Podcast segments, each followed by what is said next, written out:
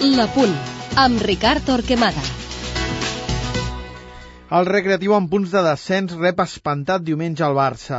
Lucas Alcaraz, que viu la segona etapa al club, encara no ha redreçat el mal inici amb Zambrano a la banqueta.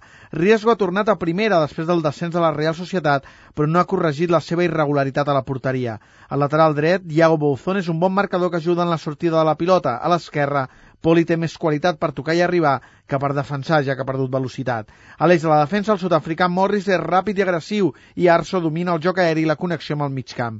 A la distribució, Javi Fuego i Jesús Vázquez es reparteixen els rols. El primer posa criteri de transició ofensiva, mentre que el segon manté la posició i dona equilibri col·lectiu. Atacant per la dreta, Sissi encara no ha explotat el seu talent a l'un contra un i la seva efervescència profunda. Per l'altra ala, Aitor busca socis per combinar i aprofitar la seva intel·ligència i deliciosa cama esquerra. Al davant es barregen la qualitat una mica desgastada de Javi Guerrero amb la contundència rematadora de Rubén.